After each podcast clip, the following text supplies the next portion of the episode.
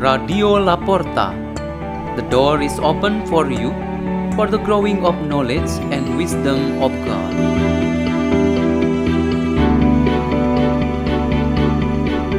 Delivered by Bobby Michael and Simona Surya from St. Peter's School in Jakarta, Indonesia.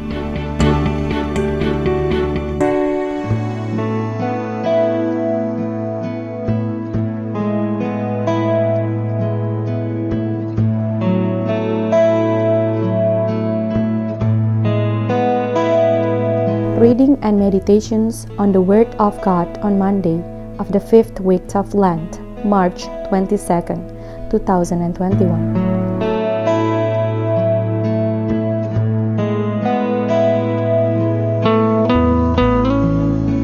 The reading is taken from the Holy Gospel according to John, chapter 8, verse 1 to 11.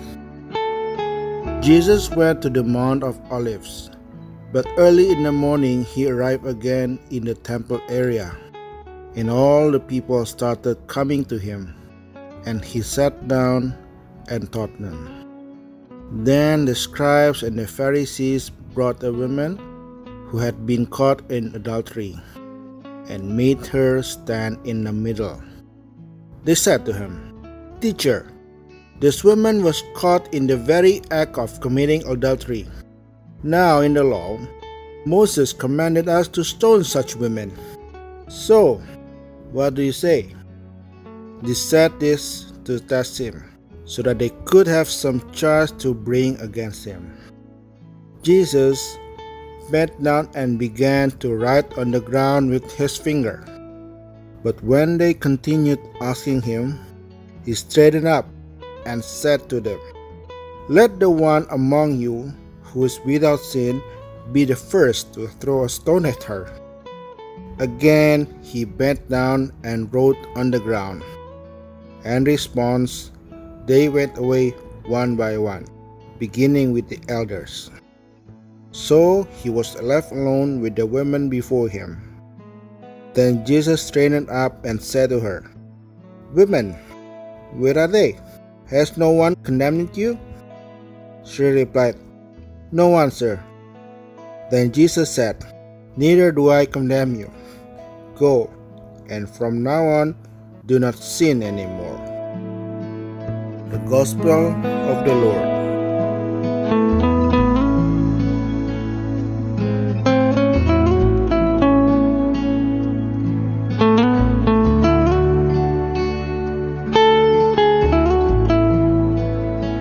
The theme of our meditation today is When Stone and Stick Reviews.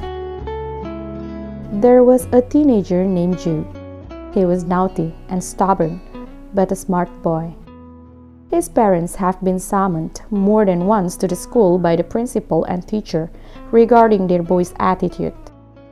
At home, Jude has been given various kinds of punishment, from the ordinary reprimands to the slaps and other physical beatings. Among all these punishments, when Jude always tried to avoid was his father's beating, using pieces of wood or throwing objects that were right in his hands. It was here that Jude's ingenuity served to save himself from the punishment of his father. He hid the sticks and objects that his father always used to hit him. Jude did it especially when he intended to do something naughty. He should first hide the stone, things, and sticks. As a result, when his father was about to punish him, the sticks, stone, or things were not found nearby. Stones and sticks that were easy to use were no longer there. The father then relented. He felt like a person who was not strong anymore he must think twice for the fact that in the end, stone and stick or objects refused to be used to punish his son. He must find another way, which according to education is to be more effective when corrections and improvements are to be made.